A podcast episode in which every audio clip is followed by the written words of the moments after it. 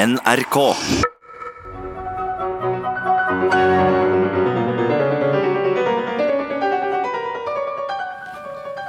Leif Ove Ansnes, god morgen. God morgen.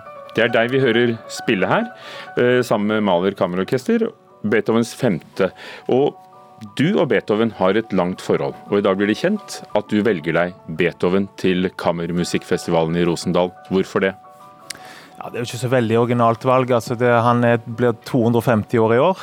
Eh, Det er en, eh, en stor bursdag. Um, uh, men jeg har lyst til å vise liksom hele mangfoldet til Beethoven. da. Altså Vi tenker jo ofte på denne kjempende revolusjonære komponisten og sånn, men jeg syns det, det er så mye forskjellig uh, musikk av Beethoven. Så det blir en veldig variert festival. Her er humor, her er um, undring, stillhet. Vi kommer tett på Beethoven, tror jeg, i, i Rosendal. Det kan Også, bli fint. Kommer man vel spesielt tett fordi festivalen i Baroniet Rosendal, som altså ligger i, i, i Kvinnherad i, i Hordaland, foregår i og rundt det gamle slottet fra 1665, den flotte hvite murbygningen. Fjellene, under fjellene, og så er det en helt ny konsertsal i den gamle låven. Hva betyr stedet for en sånn festival? Veldig mye, tror jeg. Jeg, jeg syns jeg ser det liksom verden over nå, at, eh, at mange av de mest interessante festivalene skjer på, på små steder som dette. Små steder med egenart. Hvor man kan lande som publikum. Det kommer jo mange tilreisende til Rosendal, i tillegg til kvinnehøringene som, som, som kommer til oss. Um, og da lander man der, og er der i fire dager. Og da eh, hører man på musikk, og, og er i naturen, og er i stillheten. Altså ikke minst um, det å være i en storby og gå rett inn i en konsertsal kan være ganske um, utfordrende noen ganger med akustisk musikk. Du må liksom øh, gjøre om hele hørselen din. Uh, I Rosendal så kommer vi fra naturen, fra stillheten, rett inn og hører på denne musikken. Og det, um, det tror jeg har en stor virkning. Og Dette skjer i august i år, for femte gang at du har denne festivalen. Men ditt forhold til Rosendal det, det går tilbake til tidlig 90-tall? Ja, riktig. Jeg var der ganske tidlig og har stort sett spilt der hver sommer siden. Jeg er veldig veldig glad i, um, i, i Baroni Rosendal. Uh, og i stedet å uh, Igjen dette med å komme tett på. altså På selve Slottet så har vi også noen rom som jeg har spilt mange ganger. Og der har jeg spilt kanskje mine mest intime konserter for rundt 70, uh, rundt 70 mennesker. Er det noe av det du lokker med når du får ja, ikke bare verdenskjente journalister eh, eller fra verdenskjente aviser som New York Times og Frankfurt Allgemeine, som har skrevet veldig godt og kommer hvert år, men er det noe av det du, du lokker med når du får dine internasjonale kolleger til å komme? Jeg tror det er eh, en blanding av, av programmet og, og stedet. altså Bare det å eh, kunne invitere folk som lander på Flesland, og som tar hurtigbåten inn, inn Hardanger. altså Bare den turen um, er fantastisk for de. Uh, vi som bor her i området, tar det gjerne litt for gitt. Men for de er allerede det uh, turen verdt. Og så uh, ser det ut som de setter pris på programmet vi kan tilby. Hvem kommer, hvis du skal nevne noen av dem du har fått med deg i år? Ja, det kommer veldig flotte pianister, da. Det Kan være farlig for meg som kollega, men Paul Lewis, Jonathan Biss, det nye islandske stjerneskuddet Vikingur Olafsson kommer. Så kommer det en strykkekvartett som heter Eben-kvartetten, en fransk kvartett som spiller Beethoven uh, hele denne sesongen verden over. På alle kontinenter, har jeg skjønt.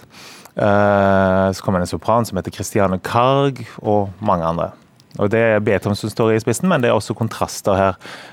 litt samtidsmusikk og ting. Beethoven var jo avantgarde for sin tid, og, og vi forstår nok mye bedre Beethovens eller ta den lettere inn enn en man ofte gjorde i samtiden. I Leif Ove del ja. du er jo ja, ikke bare en av verdens mest kjente pianister, Grammy-nominert for ellevte gang i år, eh, bare for å ha nevnt det.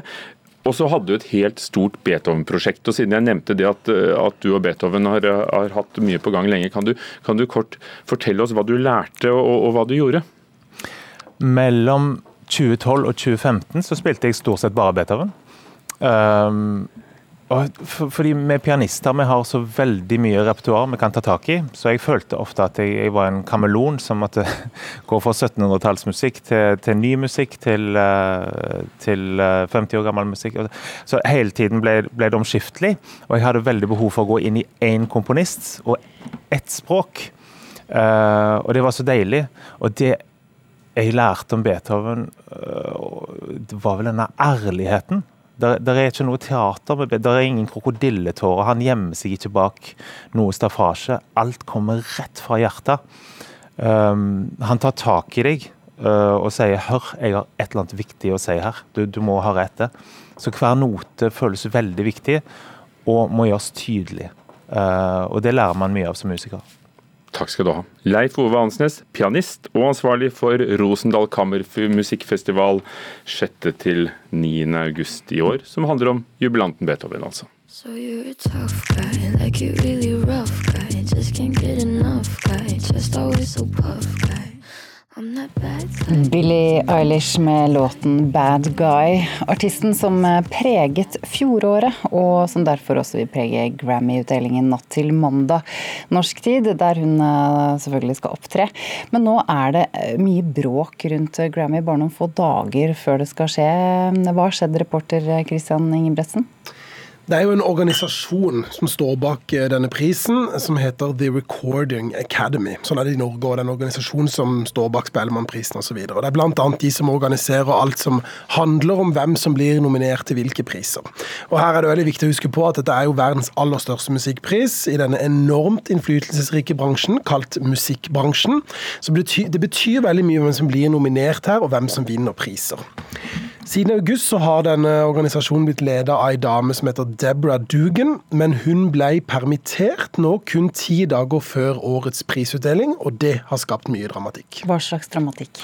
Dugan går nemlig til angrep på organisasjonen, der hun hevder at nominasjonsprosessen rundt Grammy-prisene er korrupt. Hun påstår at sanger som i henhold til reglene ikke burde blitt nominert, likevel har blitt det, og at komiteen nominerer ja, litt de sangene de sjøl vil.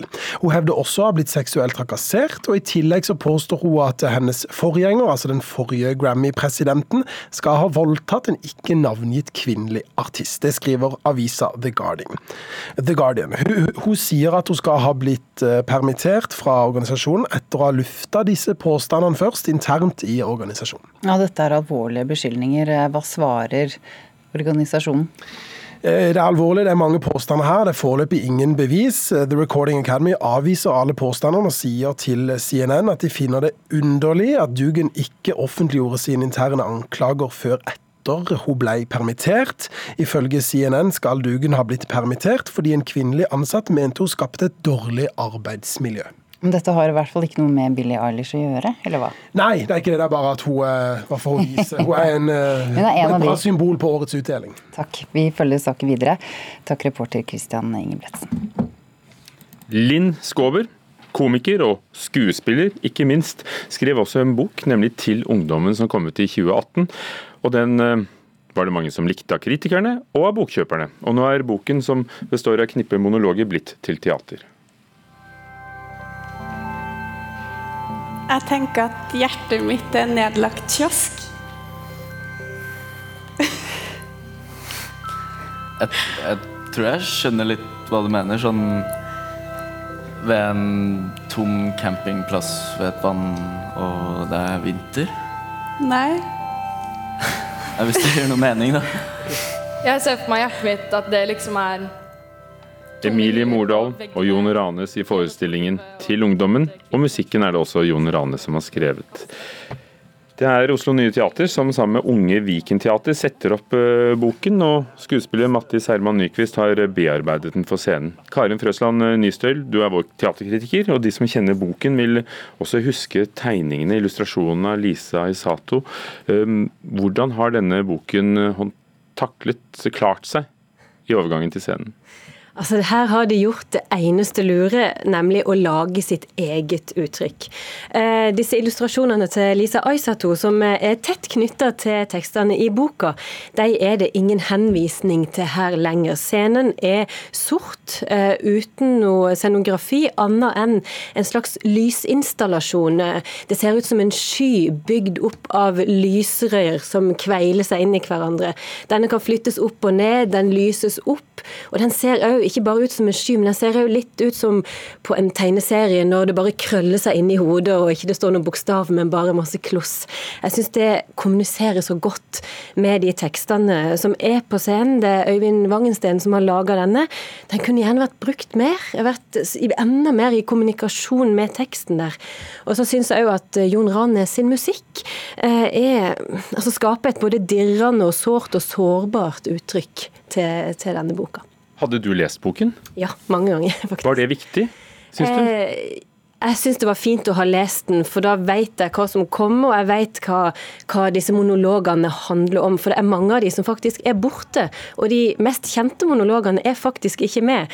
Den som heter 'Sekser i livet' og 'Hva jeg ønsker meg til komfen', de er, de er de som har blitt lest kanskje mest i norske ungdomsskoleklasserom, men de er ikke med her. Men det som er med av Linn Skåbers tekst, mm. er det noe du kjenner igjen? Ja, men eh, ikke bare. Fordi Mattis Herman Nyquist, som har eh, bakt sammen dette til en forestilling, han har klippa og flytta og redigert, så dette er et annet uttrykk. Det er noe nytt. Og I tillegg så, så, er språket oppdatert. Og Det høres kanskje rart ut å måtte oppdatere et språk i en bok som kom ut i 2018, men det må man hvis ungdommene som skal framføre det, skal kjenne på det som sitt eget. I, i Skåbers bok så er det en del litterære bilder som jeg syns tenderer mot klisjé. Eh, de er strøket her. Det er bare ett av de som er beholdt, sånn av typen lukten av våt asfalt og sånn. Men ellers så er det tett på noe som oppleves som dagens ungdomsspråk, og det tenker jeg jo er bra. Det er fem eh, unge skuespillere på scenen. Hvordan klarer de seg? Ja, de klarer seg veldig fint. Eh, mange av de har mest erfaring fra film fra før. Jon Ranes spilte jo i 'Ut og stjele hester', og Ines Høysæter Assersson hadde hovedrollen i 'Harajuku' tidligere. Men de, de klarer seg altså veldig fint. De har Nyquist har som jeg sa, kutta mye og flytta mye i tekst, og han har latt veldig alvorlige tekster stå igjen. Og Der står ungdommene med bare seg sjøl, uten noe scenografi, og klarer likevel å formidle monologene på en god måte. Jeg syns kanskje at tekstene blir for alvorlige, at det blir for likt.